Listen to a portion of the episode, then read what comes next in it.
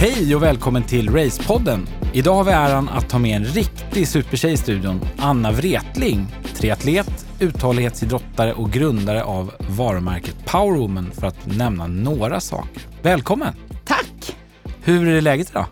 Det är bra, det är hett. Ja, det är hett ja, precis. Vi sitter här i poddstudion i högsta sommarvärmen. Oj. Ja, Eh. eh, nej men det är jättebra med mig. Jag har precis varit uppe, vi sitter ju på Gärdet nu, både ni och vi idag. Och eh, jag var ute på utegymmet. Eh, jag gymtränar inte så jättemycket, men eh, någon gång i veckan, en eller två gånger. Så nu passar vi på här på utegymmet. Så det är jättehärligt. Jag kommer svettig till dig. Ja, precis. Välkommen. Det är ju väldigt, väldigt passande. Det är säkert så många det. lyssnar på det här med svetten drypande, så ja, det är mycket bra. Jag tänker innan vi, det där vill jag ju följa upp såklart, men innan vi kommer till det, berätta kort, hisspitchen, vem är Anna Wretling? Ja, vem är jag? Jag eh, är, numera är jag ju faktiskt 46 år gammal. Det brukar man ju säga vad man är. Men jag är väl entreprenör, om man nu ska sätta etiketter. Jag har inte så mycket för det. Men vem jag är så är jag nog en snäll och glad människa.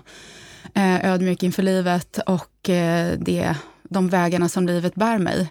Eh, så det är nog det viktigaste. Eh, jag är nog mycket hjärta och hjärna. Eh, Sådär, så att, eh, men jag är ju triatlet som du säger, har blivit det på äldre dagar. Så att jag egentligen sätter aldrig några etiketter på mig själv. Jag är helt ointresserad av etiketter. Men eh, om man ska förstå mig lite mer så är det väl just att jag är egen företagare. Eh, Och det är en speciell livsstil det kommer med. Och likadant när man pratar om träning så blir det också en speciell livsstil. Så att det, det säger lite om vad jag gör om dagarna. Ja, verkligen, verkligen.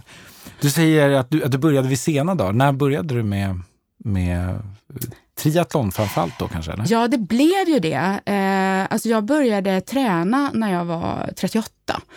Eh, och det var för att jag gjorde en sån här förebyggande bröstcanceroperation. Och eh, i och med att jag gjorde den, vi har, för att vi har de generna i släkten, så var man tvungen att gå ut och promenera. För att inte få så proppar och grejer. Så att då började jag min resa med att gå. Så att jag började promenera runt Djurgården och så separerade jag faktiskt från mina barns eh, pappa vid samma eh, period. Och då var promenaderna väldigt bra för att eh, mentalt hinna fundera liksom över livet. Mm. Så att promenaderna övergick i löpning. Eh, lite smått. Så jag gick och promenerade, gick och promenerade och sen började springa mer och mer. Men det tog nog nästan ett år innan jag sprang sju kilometer. Och det kommer jag ihåg, det var en stor seger. Och sen sprang jag en mil och det var bara wow. Och så vet jag att jag hade, då började jag gymträna lite grann. Och då sa en PT till mig på gymmet, varför har du inte testat att springa längre än en mil? Men jag trodde inte man kunde det, jag trodde det var stopp. Och så sprang jag 15, 25, 30 och så fattade jag, men gud, jag ska ju testa det här med löpning och då anmälde jag mig till Stockholms Marathon. Så från att ha suttit och tittat på vad är det för idioter som springer de där grejerna, så stod jag på, på startlinjen och det var, det var startskottet för, för liksom de här loppen jag har gjort och det här uthållighetsidrottandet. Mm. Ja, så Hur gick det i maraton? Nej, men det gick ganska bra faktiskt, för att jag... Eh, det som är för alla som börjar att träna, och nu i våra team som vi har, så ser vi många nybörjare inom träning. Och ibland hänger kroppen och konditionen, konditionen hänger fortare med än kroppen. Och, eh, så att jag fick nog upp en ganska bra fart ändå, men eh, var tvungen att ta det lite försiktigt sådär. Så att jag gick på något som då kallades Maffeton-metoden. Jag vet inte om du har nej, hört om den den? har inte jag hört om. Den är faktiskt Vad är jätteintressant. Ja, eh, MAF, eh, det är en, en jättetjock, The Big Book of Endurance Training, Mm. av, jag tror han heter Phil Maffetone eller någonting. Och då är det just att man går på en lågpulsträning. Och den här lågpulsträningen gör att du orkar springa. Det, det var så låg puls så att när jag joggade så gick pensionärer med stav förbi mig. Eh, för att det var så långsamt. Men det gjorde att jag kunde bygga min grundkondition. Så att jag började faktiskt att träna med den inför min första maraton. Och den, så sprang jag den eh, på strax över fyra timmar. Och det tyckte jag ändå var ganska bra för en första maraton. Eh, och inte ha tränat en enda intervall, utan det var bara då lågpulsträning. Och så vet jag att eh, Torgeby till exempel, som är en ultralöpare, och han har varit mycket i Afrika och tränat med löpare där och de har stora inslag i perioder i sin träning av just, just den här lågpulsträningen. För den, den bygger en, liksom en grund eh, att stå på, där man springer fruktansvärt långsamt. Mm, ja, verkligen. Men hur, hur, hur, liksom, hur långt springer du då? under den här?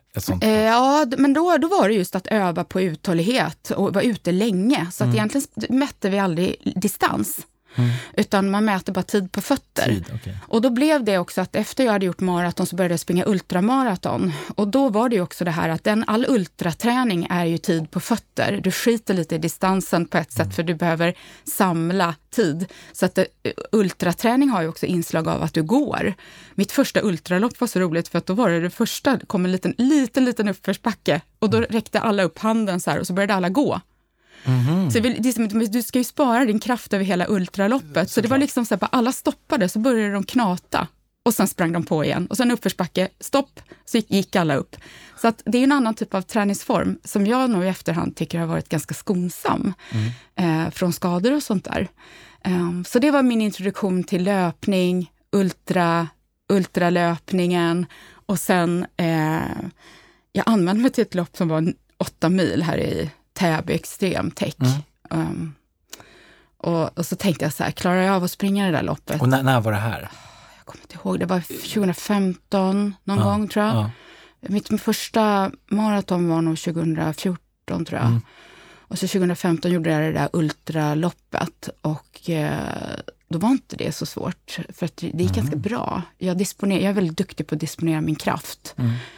Ehm, och jag tänker inte så mycket på att det är jobbigt. Jag blankar mig i skallen så jag kan hålla på väldigt länge. Och är väldigt duktig för att få i mig näring, eh, lite näring hela tiden, under lång tid. Eh, så jag gjorde det där ultraloppet och sen, eh, då hade jag bestämt, klarar jag av det, då ska jag anmäla mig till en Ironman.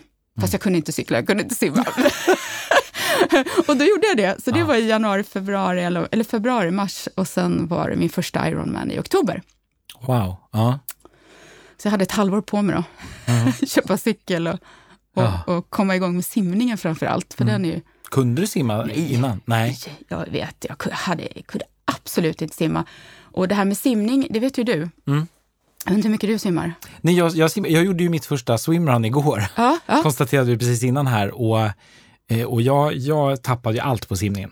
Eh, Ja. För jag kan inte kråla ordentligt och det inser jag ju att det är ju A och O om man ska ta sig framåt snabbt, såklart.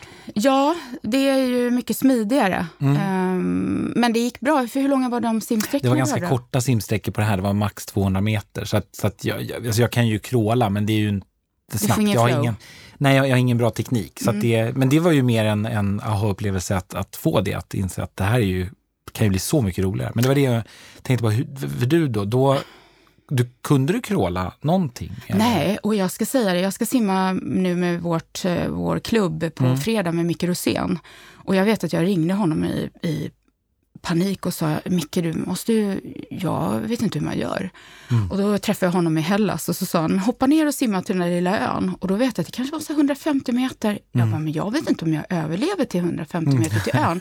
På bröstsimning. Mm. För att du vet, man tränar i skolan, simning, du vet att du, om du hamnar i vatten att du kan bröstsimma. Mm. Men jag kunde inte mäta distans i vatten. Jag kunde inte veta, men om jag simmar dit och inte orkar, vad händer då? Just det. Mm. Alltså alla de här, och jag har Det finns ingen bassängkant att ta sig Nej, nej. det, precis. Och, och, och, och det är ganska... Jag är väldigt imponerad av alla människor som i vuxen ålder försöker lära sig simma, för det är så helt annorlunda Mm. än allt annat man gör på land stående. Att du plötsligt ska ligga ner och ha huvudet ner i, i, i ett vatten. Det är inte naturligt för andningen, det är inte naturlig kroppsposition och så vidare. Och det är en otrolig tekniksport. Mm. Eh, Jag, har, jag, jag tycker att framförallt att simningen har blivit, just med åldern, att den tränar min hjärna. Mm. Eh, är du med på vad jag menar där? Att Nej, liksom, hur, hur tänker du? Berätta. alltså när jag, jag, jag anmälde mig då, jag simmade med Micke och sen så fick Mm. jag hjälp av simcoachen också, Ja. ehm, att börja träna. Och då förstod ju jag, och Micke har ju skrivit en, lång, en tjock bok om detta, hur man ska simma för att fortast komma fram i vatten. Det handlar ju egentligen bara om teknik. Alltså din kropp i förhållande till rörelsen framåt i förhållande till motståndet i vattnet. Just det. Alltså det finns ju en, en det måste ju, jag hela tiden det i huvudet, det måste ju finnas ett smart sätt att snabbast iväg. Fiskar, Mm. de rör sig på ett sätt för att fortast ta sig fram. Det gäller ju även människan. Och allting när vi plaskar och många triatleter vevar och inom swimrun ibland är så stökigt. Det är ju inte den smidigaste vägen fram som kanske är med minst effort. Mm. Så att det där är jag väldigt fascinerad över med simning. Att eh, Anna-Karin sa någon gång, Anna det ska kännas som att du cyklar på ettans växel. Mm. Då har du mhm. träffat rätt. Och du vet, simma fort i ettans växel, det, då, har du, då, då är du så smooth i vattnet. Och det brukar jag ha med mig, för då blir det liksom en intellektuell träning. Och när du simmar så kan du inte tänka på vänster hand när den ska i, samtidigt vad du gör med höger fot. Mm. Eh, samtidigt ska du tänka på hur ditt öra är mot axeln och du andas med ena ögat upp. Mm. Alltså du har egentligen 10 000 grejer du ska göra samtidigt, mm. som du måste träna in i ditt nervsystem. Mm. Så att jag tänker, gud vad det här är nyttigt för hjärnan, helt enkelt. Ja. Mm. Löpningen är ju mer att du sätter ena foten framför den andra och du kan liksom låta tankarna gå på mycket. Men, men simning är intellektuellt intressant, skulle jag säga. Mm. Ja, jag förstår. Ja, det är ja, väldigt spännande liksom, vinkling eller synsätt på det. Ja, det kan jag verkligen förstå. Men den är en frustration. Ja, ja, absolut. Det, det köper jag till 100%. Men jobbar du vi ska strax gå tillbaks till det där första Ironman, men, ja. men hur är det idag? Liksom, hur duktig har du blivit på, på simning idag? Alltså jag, har, jag har bestämde mig att jag ska kunna simma obehindrat. Jag var väldigt vattenrädd, respekt för vatten. Okay. Jag har inte gillat vatten, jag har inte badat, vi har aldrig varit på sjön, vi har aldrig haft någon kontakt med vatten. Så vatten är inte mitt element. Mm. Eh, jag tror att jag är ett djur från savannen och öknen, kattdjuret, alltså som springer i öken. Men vatten är liksom inte nära mig som människa. Um, så att för mig har det varit en, eh, ett traggel. Det har varit ett väldigt tragglande um, och jag har inte gett mig. Så att uh, jag har faktiskt simmat en eller två gånger i veckan ända sedan jag började uh, och håller i det, även om jag tycker att det är hemskt att gå till simhallen. Ofta, jag kan ha ett enormt motstånd att gå ut och simma i öppet vatten, men jag simmar öppet vatten själv. Jag har bara bestämt mig att motståndet och oviljan ska inte göra att jag inte gör det. Eh, och det är en fantastisk träningsform. I och med att jag tränar löpning och cykel och styrka och andra grejer, mm. så behöver jag på något sätt simningen för att balansera upp kroppen. Så att jag förstår nyttan av, av simträningen i förhållande till den andra träningen jag gör. Mm. Men ett tag så simmade jag väldigt mycket och då kom jag till slut över en liten tröskel. Och då var det liksom att vissa bitar lossnade. Och jag kapade nästan en halvtimme på, wow. på Ironman. Och för ett eller två år sedan så stod jag i första startgrupp precis efter Pro för att jag blev så pass snabb. Nu har jag mm. tappat farten lite. Eh, för att farten håller man ju bara uppe efter att man måste simma i alla fall fyra gånger i veckan. Sen tappar man sin swim fitness och tappar lite tekniken med bara en eller två gånger i veckan. Men eh, ger man sig 17 på det så, så är, har jag blivit ganska duktig och nu när jag hoppar i Kottlasjön själv så, så bara kör jag. Mm. Um, men, men det är en tekniksport så du tappar lätt. Uh, plötsligt kan du börja göra ett nyck med huvudet eller armen och du vet inte var det kommer ifrån. Och då måste man liksom backa bandet och du ser ju inte vad du gör i vattnet så någon annan måste nästan hjälpa en att se att man lyfter armbågen snett eller du har handen över mittlinjen eller någonting som plötsligt kan man bara göra sådana knäppa grejer och då förstör det simtekniken och farten. Mm. Mm. Men nu, nu jag, känner jag mig väldigt trygg. Och mm. efter Norseman och alla mina lopp så har jag varit i de värsta vatten och Alcatraz där jag simmade och det var så jäkla risigt vatten. Men eh, jag har ändå gjort det fast jag varit rädd. Mm. Mm, jag tänkte vi ska komma in på de där loppen, för det är mm. väldigt spännande. Du har ju en diger meritlista även på loppsidan. Men jag tänkte, vi måste ju gå tillbaka till det här första Ironman-loppet. Eh, mm. I Barcelona. Höra du var i Barcelona ja. också, det var inte Kalmar liksom det närmsta, utan du, du fick före Spanien direkt bara. Ja. Berätta, vad, vad liksom, hur gick det? Eh, nej men det var, jag var väldigt ödmjuk för distansen och tänkte att tar jag det bara lite lugnt så kommer det nog gå. Men jag hade inte cyklat distansen, jag hade mm. inte simmat distansen och jag hade, jag hade sprungit distansen. Eh, så där kände jag att jag inte riktigt visste hur mycket, hur disponeringen över så lång tid och framförallt både med mat och med hur mycket du vågar ta i, den är ju svår. Så jag tänkte så här, jag ska hela tiden göra det så det känns ganska lätt. Så tänkte jag. Mm. Um, och det gjorde jag. Och uh, jag tror jag simmade, det tog nog en och en halv timme ändå, för det var det var åskoväder och starten blev uppskjuten för det var sånt fruktansvärt skyfall och mm. åska och regn. Så att vi trodde faktiskt inte vi skulle få starta. Och det var väl lite på ett sätt jobbigt, för folk stod och grät på stranden och det var strandstart, så här massstrandstart som är vidrigt. Eh, och det var motströms hela jäkla vägen, man simmade åt ett håll bara. Så att, och det var ju första gången jag hade simmat så långt i saltvatten. Mm. Och jag var inte beredd på det, för när jag kom in i vattnet så var det liksom som att det frätte upp hela tungan. och så det var sådana erfarenheter som jag inte hade tänkt på. Nej.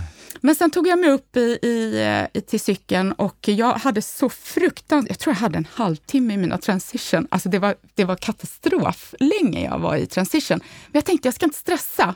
Mm. Så jag stressade inte på hela dagen. Och sen vet jag att jag har ganska roligt med mig själv i mitt egna huvud.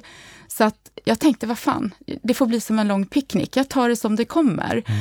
Och jag tror att det var därför det gick så bra. Så jag kom faktiskt in under 12 timmar på första, fast jag satt en halvtimme i transition. Ja. och dega. Ja. Eh, och sen när jag kom i mål så vet jag att jag var faktiskt inte så trött, utan jag kände att jag eh, hade ganska mycket krafter kvar. Mm. Och det gjorde nog också att jag kände att det här kan jag tänka mig att göra en gång till. Mm. Men det var ganska varmt och så, men det var... Jag vet inte, jag bara tuggar på på något mm. vis.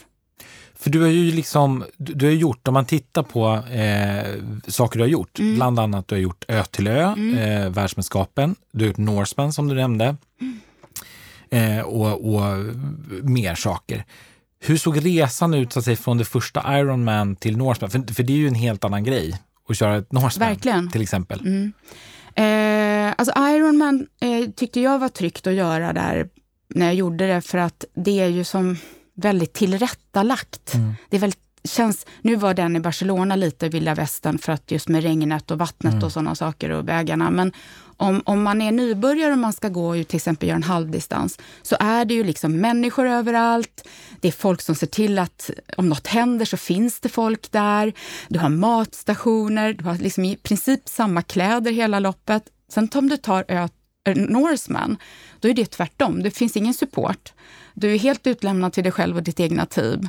Ehm, det är en helt annan... Ehm, Ironman brukar vara ganska flacka. Eller alltså, de kan ju vara höjdmeter på vissa av loppen, men det är inte, de är inte kända för att ha sån extrem ehm, natur. Så naturen på Norseman var exceptionellt. Det året jag gjorde var det också väldigt mycket väderomslag. Jag hade snö. Eh, Oj! Ja, mm. det var snö och det var, eh, det var precis på gränsen att vi fick simma. Eh, 11 grader har de satt som en sån här att man inte får iva i vattnet. Och jag hade så mycket kläder med på simningen.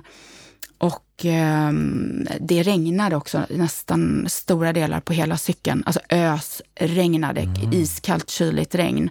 Så att de här temperaturväxlingarna, det var också väldigt mycket höjdmeter, det var över 5000 höjdmeter, mm. gjorde att du blev väldigt svettig uppför. Och sen när du cyklade neråt så blev du extremt nerkyld. Så att jag skulle säga att temperaturväxlingarna och vädret slet nog mest eh, mer än själva topografin. Men sen är det klart, så att det är väl den största skillnaden från en vanlig Ironman till en Norseman. Eh, och du är ju ensam, du träffar ju inte några människor på en Norseman nästan. Medan på en Ironman är det ju både publik och det är mycket mm. medtävlare, du har en bana där du värvar varandra. Eh, men det som var intressant var att när jag kom upp på Norseman så var det några som kom upp samtidigt då för att, till toppen då, där man fick den svarta mm. tröjan. Och det som också var roligt med Norseman var att det var ingen ålderskategori och det var inte heller någon könsindelning, utan mm. det var bara mhm. starkast upp. Mm. Och på vanliga Ironman har du åldersklasser och du har könsklasser, så att du kan liksom placera dig med mm. handikapp, eller man ska säga. Här var det bara liksom vilda västern, försten upp. Så ja. eh, och då var det några på tio timmar eh, vanlig Ironman. Då, eh, året efter så gjorde jag Hamburg. Och då tänkte jag så här, nu ska jag träna platt och fart och se mm. om vad händer då. Och då gjorde jag den och kom in under tio timmar. Så det var väldigt intressant för att eh, jämföra. Och då var det, det var över, det var 35 grader varmt i Hamburg, så här, mm. superhett. Och Norseman var jättekallt, bergigt. Hamburg var, det var tysk support överallt. Det var isbitar, det var dricka, det var picknick, men hett och platt. Mm. Så att jag ville se kontrasten. Så ja. det, var, det var väldigt spännande. Ja, jag förstår. Ja. Vad häftigt. Ja. Du, vad, heter, vad, vad, gör, vad gör du liksom idag? Fortsätter du att tävla ut i, i triathlon eh, idag? Sticker du världen runt? Nu det, just nu är det ju svårt, men jag tänker liksom, när det inte är corona och covid-nedstängning. Nej, Eller har du 2000, lagt för två år sedan så då gjorde jag tre lopp, tre, Mm. tre Ironman. Jag, gjorde liksom jag kände att jag hade bockat av Norseman Mm. och sen så smackade jag av tre I- Ironman då på Bara Ja, det var eh, kul. men det var ändå för sig någon, jag ville också testa en halvdistans som jag gjorde i Turkiet, för jag ville se att jag kunde komma in under fem timmar och det kunde jag göra med råge. Då, så att jag, jag ändå kände att jag jag ville testa även vad, eh, kan jag tåla att ställa om min träning från Hamburg på no- några månader till en halv och få upp lite fart. Eh, Så det gjorde jag och min coach lite som ett experiment. Ehm, eh, Så det gjorde vi och eh, efter det förra året så hade jag jättemycket jobb. Så då kände jag så att jag går in i jobbbubblan så kan jag lägga bort den energin på, på den, inte på träningen, för jag tränar egentligen som vanligt. Ehm, Men vissa av de här längre cykelpassen ehm, gjorde jag inte då. Jag behöver inte sitta ute och nöta fem, sex timmar cykel om jag inte har den typen av lopp. Så att Claes och jag vilar om min träning. Så att nu under, från det till nu så tränar jag i ett mer underhållssyfte där jag alltid är startklar på en halv Ironman och ganska lätt kan eh, lägga på distans och jag kan också lägga om träningen på fart eh, om jag vill. Men jag har inte det i sikte nu. Mm. Varför blev det triathlon som, som sport? Mm, egentligen är det nog att efter det här med ultralöpningen så kände jag att det här är inte hållbart att springa bara, för att det sliter så mycket på kroppen. Eh, du vet, du får skador och sånt där och jag är inte intresserad av att få skador överhuvudtaget. Jag är inte intresserad av destruktiv träning. Um, och därför tycker jag nog att, jag egentligen kallar jag mig inte triatlet, utan jag tycker om att träna olika sporter. Och jag tycker om, jag tror att jag är lämpad fysiskt för distans, tålighet, både huvudet och kroppen. Och därför så har det nog blivit bara att jag egentligen gillar de tre träningsformerna. Och sen styrketräningen. Och min coach har ju faktiskt ganska mycket styrka jämfört med andra triathloncoacher. Eh, Så han är lite speciell där. Så hela hösten nu så har jag verkligen fasen, jag har aldrig marklyft så mycket tungt som jag har gjort. Eh, Jag tror jag har gått upp, jag har nog gått upp 4-5 kilo eh, i liksom muskelvikt under eh, från hela förra hösten in i den här säsongen. Ehm, så att det, han, han är lite, det är lite spännande med, med honom där. Det är, inte, det är inte den här typiska triathlonträningen. Så att därför gillar jag det, ehm, skulle jag säga. Variationen. Jag tränar liksom, igår var det cykel och löp, eh, dagen innan det var det eh, intervaller, dagen innan det var det simning. Alltså det blir hela tiden ett, en variation. Det, det är nog den jag tycker är bäst. Att jag, och jag är, håller mig skadefri. Och tycker fortfarande att motivationen och att det är kul. Det blir aldrig långtråkigt. Så. Mm. Jag skulle Ja. fråga, vad, vad är det som liksom driver din träning idag? Eh, jag, tänk, jag, den, jag har ingen drivning, utan jag gör den. Jag, Okej. be, jag, jag behöver inte motivation, utan jag, den är en hygienfaktor. Så att jag har liksom slutat ens att tänka på om jag ska göra den eller inte. Förstår du? Jag är över på andra sidan. Den sker. Den ska in varje dag och framförallt i det jobbet jag har som är ganska krävande så är det lika viktigt att jag har min träning som att jag går till jobbet. Så det ingår i mitt jobb att ta min timme. Men jag tränar inte så långa pass och har aldrig gjort det med Klas. Så att jag tycker att jag har ändå hyfsat lätt att få in den. En timme om dagen tror jag de flesta kan trolla in. Jag menar, jag har ju varit själv med två små barn, drivit två bolag samtidigt och gjort alla de här tävlingarna. Så att jag har inte mer tid än någon annan. Eh, och jag har liksom trollat och pusslat in det för att jag har prioriterat in det och inte tänker så här. Ofta tänker jag, gud vad jobbigt.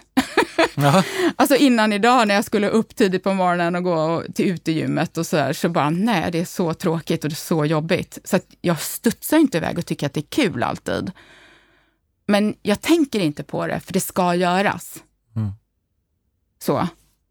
Jag tror det är det som skiljer mig från många andra som måste ha en lopp som motivation, som måste tycka att det är roligt för att träna. Um, alltså mesta man gör i livet är ju inte så jävla roligt, men det är väldigt bra. Och det ger en ändå på något sätt nytta och glädje i det stora hela. Mm. Så där är jag nog med min träning och jag känner mig väldigt stark eh, fysiskt och psykiskt. Så träningen skulle jag säga nästan är viktigast för mitt huvud. Så du har ingen sån här, något stort mål idag? Jag tänker väldigt många skulle ju ha Norseman som kanske det ultimata målet, framförallt inom triathlon, om man nu är väl, beredd att gå på extrem triathlon eller Kona eller vad det nu kan vara. Men, men då har du ingen sån, det är inget äventyr, det behöver inte just vara ett lopp, utan det kan vara någonting annat. Något äventyr. äventyr har jag funderat på, att jag nog skulle vara intresserad av det. Mm. Um, men jag har, inte, jag, har inte, jag, har inte format, jag har inte format det i mitt huvud, nej. Mm. Det är öppet fortfarande. Mm. Och det är faktiskt ganska skönt. Jag har sådana höga mål på jobbet, så att egentligen är det nog där fokus ligger just nu. Mm. Är det samma sak som driver dig, tror du, i det affärsmässiga som driver dig i din, så att säga, som tar dig framåt med och gör att du liksom kan driva dig framåt inom, inom träning och hälsa och, och idrott? Och liksom så? Ja, det vet ju du som entreprenör. Mm. Alltså, du kan inte vara en entreprenör om du inte har ett stort mått av uthållighet. Mm. Uh, ett entreprenörskap är ju ett ultramaraton i sig. Du måste portionera ut din kraft. Du måste hålla på under väldigt lång tid. Det är väldigt mycket som är jobbigt och upp och ner. Du går, jag menar, det vet ju vi när man springer ett ultralopp. Det är ju inte hela tiden lätt. Och Ironman, du går ner i djupa svackor både fysiskt och psykiskt, liksom, som du måste hämta dig upp ifrån. Och det är precis samma egentligen eh, inom entreprenörskapet om man har satt högre mål. Um, alltså jag säger inte att det är så för alla egenföretagare, utan jag drev ett annat bolag innan och då drev jag inte det på det sättet. Men på det sättet som jag har satt målen idag så skulle jag nog säga att det är som finns väldiga likheter med idrott och idrottspsykologi, med entreprenör och entreprenörsdrivna psykologin, skulle jag säga ändå, mm. i, i, i den mentala biten. Mm. Och sen tror jag att eh, har man en tränad kropp så orkar man mer. Mm. Man håller sig friskare liksom. Mm. Absolut. Mm. För nu har du ju, eh, för några år sedan så startade ju du Powerwoman, mm. eller hur? Precis. Kan du berätta vad, vad är det och varför startade du det? Eh, men jag startade det vid sidan av min... Eh, jag var eh, liksom entreprenör i grunden. Jag är civilekonom i botten.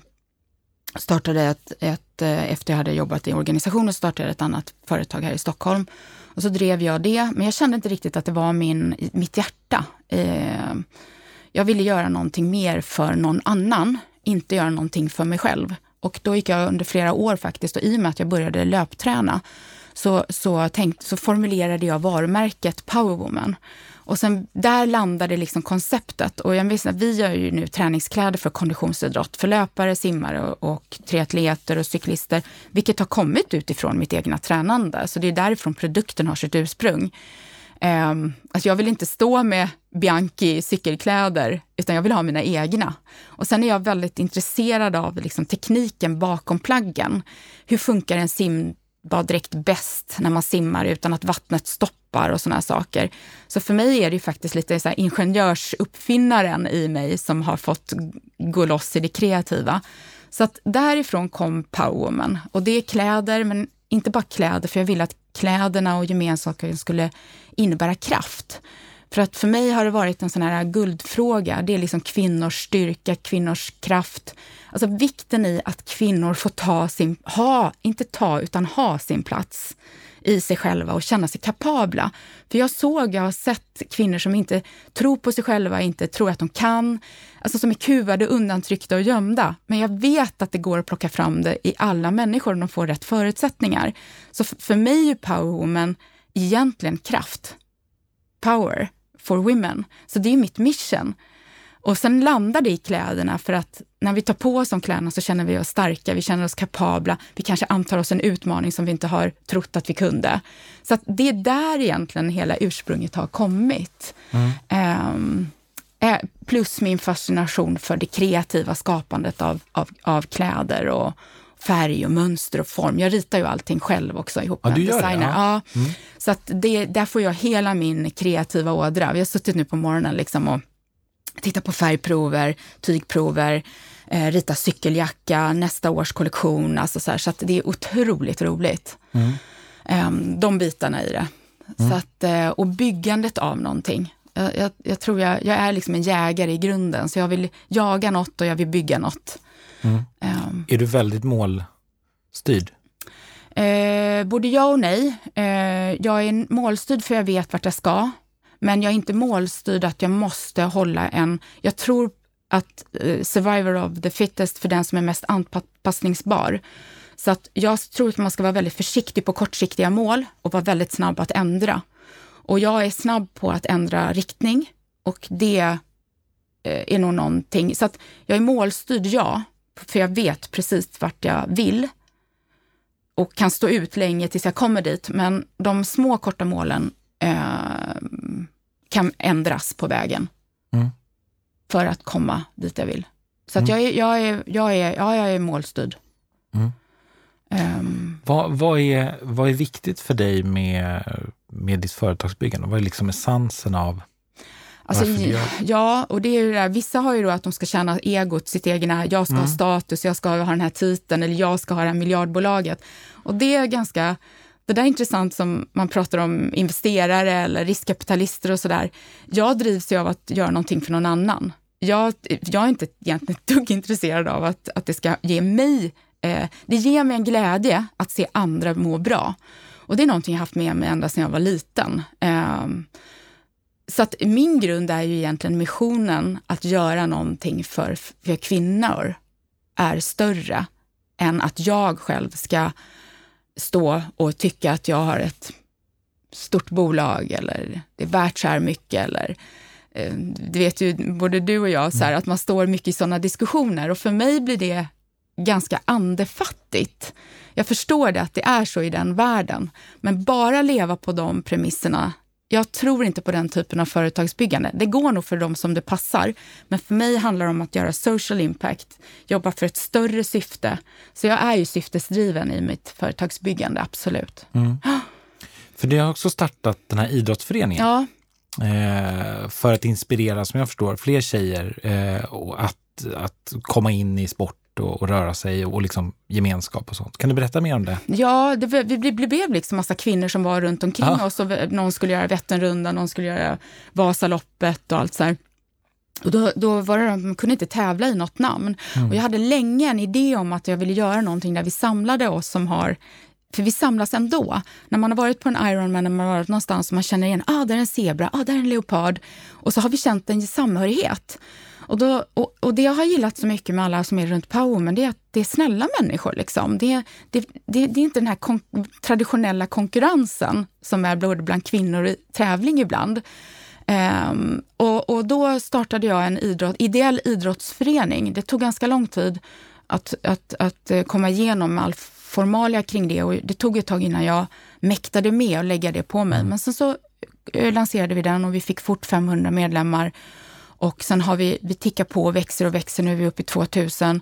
Fantastiskt. Eh, ja, det är helt otroligt. Och eh, nu är det, har vi en ny styrelse på plats också för att jag och Desiree som drev den innan, vi mäktade inte med. Alltså jag hann inte. Så nu har vi en helt ny styrelse med nio starka kvinnor som eh, hjälper till att driva den ideellt då.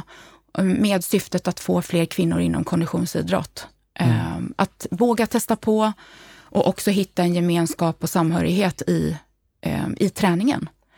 Eh, så att Har du den är- exempel på aktiviteter som ni gör? Ja, i- det är öppet vattenträningar, Ja. det är mycket cykelträningar, både för nybörjare och för olika farter. Eh, Det är mountainbike har vi börjat nu med. Eh, Det finns i Malmö, Kalmar, ehm, nu har vi Åre, en tjej. Ehm, Göteborg har vi träningar med olika, ibland samarbetar med, med andra och gör, gör simevent och sådär. S- och ibland löpcoachning, ibland är det styrketräningspass. Så att det är en liten blandning och vi har ambassadörer och de driver eh, eventen. Ehm, så att det är bara att gå in och det är helt kostnadsfritt. Så man går med på vår, vår Facebook-sida så, så får man ta del av alla erbjudanden. Nu ska vi faktiskt ha eget via er också, Ja. en egen tävling. Eller så här, triathlon i sommar. Superkul Mm, det blir Ja. jätteroligt. Kan du berätta mer om den? Ja, vi håller på att forma den nu och det är egentligen, nu är jag inte i, mitt i centrum kring den. Det är lite tidigt Ja. att prata om den, men vi har redan beställt hem simmössor, finishertröjor och medaljer. Så lite hint i alla fall på att, att det finns, det finns något att hämta. Ja, ja. Vad kul, Ja. vad roligt. Mm. Jag tänker på, eh, har du något så här övergripande mål med klubben? Vart den ska vara på väg? Ja, Har, jag, har du någon dröm liksom för klubben? Vad skulle det vara? ja, jag tycker att, för mig känns det som att eh, vara den största idrottsföreningen för kvinnor i Sverige. Eh, men vi ser ju redan nu att vi har många på andra länder som börjar och vill också bli ambassadörer. Så att för mig handlar det nog inte bara om att liksom fastna i Sverige, mm. utan jag tror att det kommer bli större än så. Jag tror det kommer bli en stor rörelse eh, eh, på andra marknader också. Och det följer lite kläderna, där mm. vi märker att kläderna poppar upp. Där, där poppar det upp de här communityna. Um, så att ja, vi har ju en målsättning, absolut, att vara den största konditionsföreningen för kvinnor i Sverige. Mm. Och där tror jag vi är på god väg. Men att få så pass mycket nya, både nybörjare och andra, att våga börja och engagera sig um, i det, absolut. Mm. Du nämner de här communities, för ja. det, det, är ju eh, det är jäkligt häftigt med ett, ett eh, riktat varumärke för, för tjejer och kvinnor liksom, mm. så, som är, håller på med uthållighetsidrott på alla nivåer. Hur, hur så att säga, du nämner att det är en väldigt stark community. Hur, liksom, hur ser du att den kommer utvecklas eh, framåt, tänker jag, liksom, ihop med kläderna? Ser du att det finns liksom, stark koppling där? Ja, det gör det. Och framförallt ja. inom de olika idrotterna. Vi märker liksom att inom cykel nu så har det blivit ett gäng som, som till exempel med kläderna. Vi fick en idé att vara och göra ett klunga, klungor på Vätternrundan nu. Mm. Blev ju inte det av, men och då blev det att vi började rita kläder till communityt och vi, det, vi sålde liksom här teamkitten som kom ut och vi hade tror jag, nästan hundra kvinnor som skulle köra Vätternrundan. Så att, och då var det ju det att jag var, hade inte riktigt, cykel har inte varit liksom superprioriterat område för oss. Vi har haft löpning, simning innan i, i plaggen. Men nu har ju vi, nu säljer vi så mycket cykel. Så att cykelplaggen vi tar in nu, det nästan försvinner ju lika fort det kommer in. Mm. Och där kan man se en koppling av att communityt växer där idrotterna växer och där växer även kläderna. Likadant inom triathlon. Vi skulle varit med på som sponsor nu på Ironman, både Jönköping och Kalmar. Mm. Eh, nu blev ju inte det av, men där blir det också att där hade vi en hel triathlonkollektion kopplat till att communityt och, och, och alla atleter är med på, på Ironman. Så att jag skulle säga att de följer varandra i sporterna mm. väldigt eh, väl. Just det. Egentligen. Och om man nystar ner sig lite mer i, i, i kläderna, tänker jag på hur viktigt liksom, upplever du att allt det här med hållbarhet, alla sådana saker också blir pusselbitar in där? För det är ju, eh, jag, jag, kan förstå liksom design, jätteviktigt såklart. Eh, men, men hur ser du att de andra bitarna är liksom, och vilka andra bitar är det som är viktiga? Uh, alltså, det är den här social impact-delen uh. tycker jag är väldigt viktig. Att vi gör en skillnad för, för människors liv på, mm. tack vare plaggen. Vissa tar på sig plaggen för att motivera sig, eh, mm. känna sig starka. Uh, och det kan vara olika typer av motivering. Det behöver inte vara liksom att du ska göra en Ironman. Det kan vara att du ska gå en kilometer. Så att jag, ibland blir det så, när man pratar med, om mig så blir det så extremt, men mm. jag värnar om det lilla och nybörjaren. Um, och hållbarhetstänket, där är det ju att jag tänker på hållbar hälsa. Mm. Att, hållbart företagsbyggande, att jag bygger ett bolag som ska finnas, om tio år ska vi finnas som ett jättestort varumärke i världen. Det är inte någonting som bara kommer upp och sen har det ingen substantiellt värde och försvinner, utan att bygga var varumärke bygger du över tid och mm. på äkta grundvärde. Alltså det är inte någonting, det här kommer från oss som håller på med idrott på, på, som vi brinner för idrotten. Um, och vi brinner för plaggen. Jag var träffade en annan kollega inom branschen som har ett annat varumärke och han brinner också för plagget och liksom den tekniska konstruktionen. Mm. Och där ser man så många varumärken idag som de, de köper billig produktion kanske då, jag säger inte att det är något fel på, på Kina-produktion, för det finns bra, men mm. en billig produktion på, på billig, billiga platser. Vi tillverkar allting i Europa, vi tittar på varenda materialval, det är handtryck, det är, alltså det är så mycket hantverk bakom varje och kärlek bakom varje plagg. Och det tycker jag är för mig hållbart varumärkesbyggande i längden. Och det gör att vi har väldigt lite returer, vi har väldigt lite reklamationer, vi har väldigt liksom, nöjda kunder och vi har en egen Facebook-sida där vi säljer kläderna second hand. Mm. eh, och eh, vi kan se att de har en lång hållbarhet där. Och sen mm. har vi såklart vissa material. Nu börjar det komma bra material som är återvunna även för den här typen av, av idrotter. Det har varit mm. en utmaning innan. Det har liksom inte gått att hitta eh, material som tål det mm. vi utsätter plaggen för. Eh, men nu börjar det hända mm. saker med recycled polyester och sådana saker faktiskt. Ja, vad spännande. Det är ju verkligen en stor utmaning för hela liksom, branschen, tänker jag. Mm. Och, och, som vi alla påverkas av som håller på med, med idrott också. Mm. Men jag tror det är köpa kvalitet så ja. håller det bättre. Det är också en, lite dyrare, men det blir lite bättre och håller lite längre. Och säljer det second hand hellre än, än att slänga det. Liksom. Mm. Jag får ju fortfarande så första prototyperna, är det någon som kommer. Jag har fortfarande de första prototyperna på ja. mig som vi gjorde för så fem, sex år sedan. Ja. Så det, det, är häftigt. Är du själv väldigt sådär modemedveten i din, i din träning? Har det alltid varit det?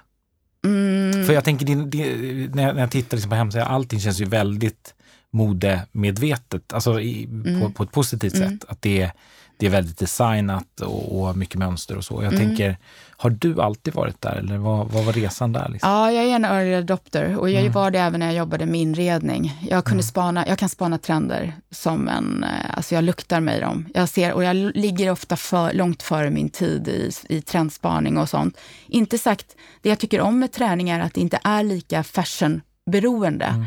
Så att det är inte samma fast fashion som man ser på andra modekedjor. Och vi har inte heller säsongstänket att vi har höst och vårkollektioner, utan för oss är det viktigare att ha bra produkter. Men jag tycker att de här sporterna som vi har pratat om nu, mm. de är ju ganska traditionellt tråkiga.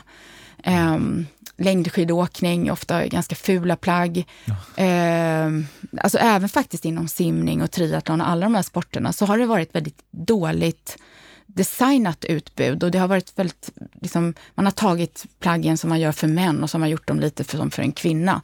Men vi gör ju för kvinnan och nu märker vi att vi får fler och fler män som faktiskt börjar använda kvinnornas plagg för Aha, att de är okay. bättre. Ja. Vi har så bra material och passform mm. och sådär.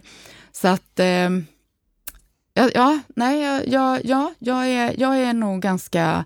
Jag ser också andras, många konkurrenter spanar, plagerar, tar efter, tar, tar efter namn och såna grejer. Jag är ju jättekreativ, men jag, det är ju bra, för ingen har ju min hjärna. Så jag ligger alltid steget då före, mm. tänker jag. Så det är det jag vill jobba med mer framöver i mitt företagande med mm. creative. Mm. Häftigt. Mm. Kommer det komma någon powerman eller är det powerwoman som gäller till 100 procent? Ja, det är powerwoman. Mm. Jag tycker att eh, min uppgift på jorden, den tiden jag är här, det är att jobba för kvinnor. Mm. Häftigt. Mm. Du, eh, vad, eh, hur ser du nu framtiden för varumärket Powerwoman de kommande åren? här? Vart är ni på väg? Eh, vi är på väg ut i världen. Mm. det är min, min stora vision är att se de här plaggen på konditionsidrottande kvinnor på maraton, på cykellopp, eh, på simtävlingar över hela världen faktiskt och bygga det här communityt och eh, kläderna internationellt. Man ska kunna veta vad powerwoman är. Det var så roligt, jag var när jag gjorde Ö till Ö så var det ett mm. amerikanskt tävlingspar, som, två kvinnor som vi bodde med. Och de stod där och så såg de att det stod powerwoman på våra kläder. Så hade de, de hade amerikanska flaggan på naglarna, mm. på dolmen, på allting. De var helt kittade. Ja. Och så tittade de, what's that? Powerwoman? Och så tittar de på varandra. Who wants to be a Lululemon when you can be a power woman? och då kände jag bara, well, that's where I'm going. så det, var, det var liksom bara, det, alltså hon, ah. på det sättet hon sa det, så på något sätt fångade det in hela min vision. Ah. Uh, Lululemon är fantastiskt fantastiskt duktiga inom, mm. de bygger community, de bygger kläder inom yoga, mm. eh, hela deras sortiment och allting, det är så genomtänkt. Så att för mig blir, min dröm någon gång är liksom att ja, få en sån spridning av varumärket. För att vi märker att får vi den spridningen, då gör vi också impact på de kvinnorna som bär plaggen mm. i deras liv. Ja, jag förstår det. Vilka, vad, vad smickrande på ett sätt. Ja. Och liksom, jag tänker att bli jämförd med Lululemon. Så. Ja. ja, det var verkligen, vad häftigt. Jag är faktiskt helt klar med min, mitt frågebatteri här, Anna. Eh, men jag har, jag har en sista fråga som jag absolut måste ställa och det är, vad ska du göra i sommar? Hur ser sommarplanen ut? Eh, jag jobbar. Eh, mm. Vi har ganska mycket att göra på jobbet. Mm. Ehm, så att som entreprenör så, där så går det ganska mycket i, i ett. Mm. det är inte så att man liksom kan stänga av och har man en e-handel så är ju den öppet dygnet runt också Just dessutom. Den lilla detaljen. Den lilla detaljen, ja. Så att jag kommer jobba och så kommer jag vara med mina barn. Jag har Mm. två barn som är 13 och 15. Mm.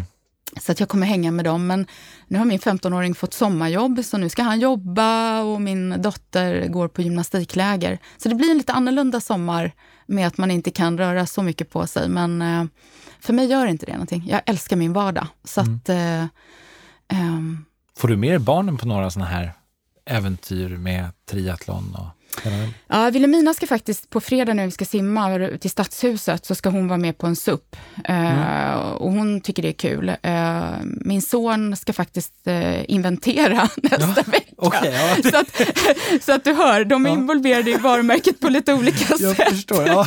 Men han är dedikerad hockey och väldigt grabbig Mm. och Vilhelmina är nog en liten liksom, powerman eh, vid fingerspetsarna. Så att eh, jag får med dem på sitt sätt.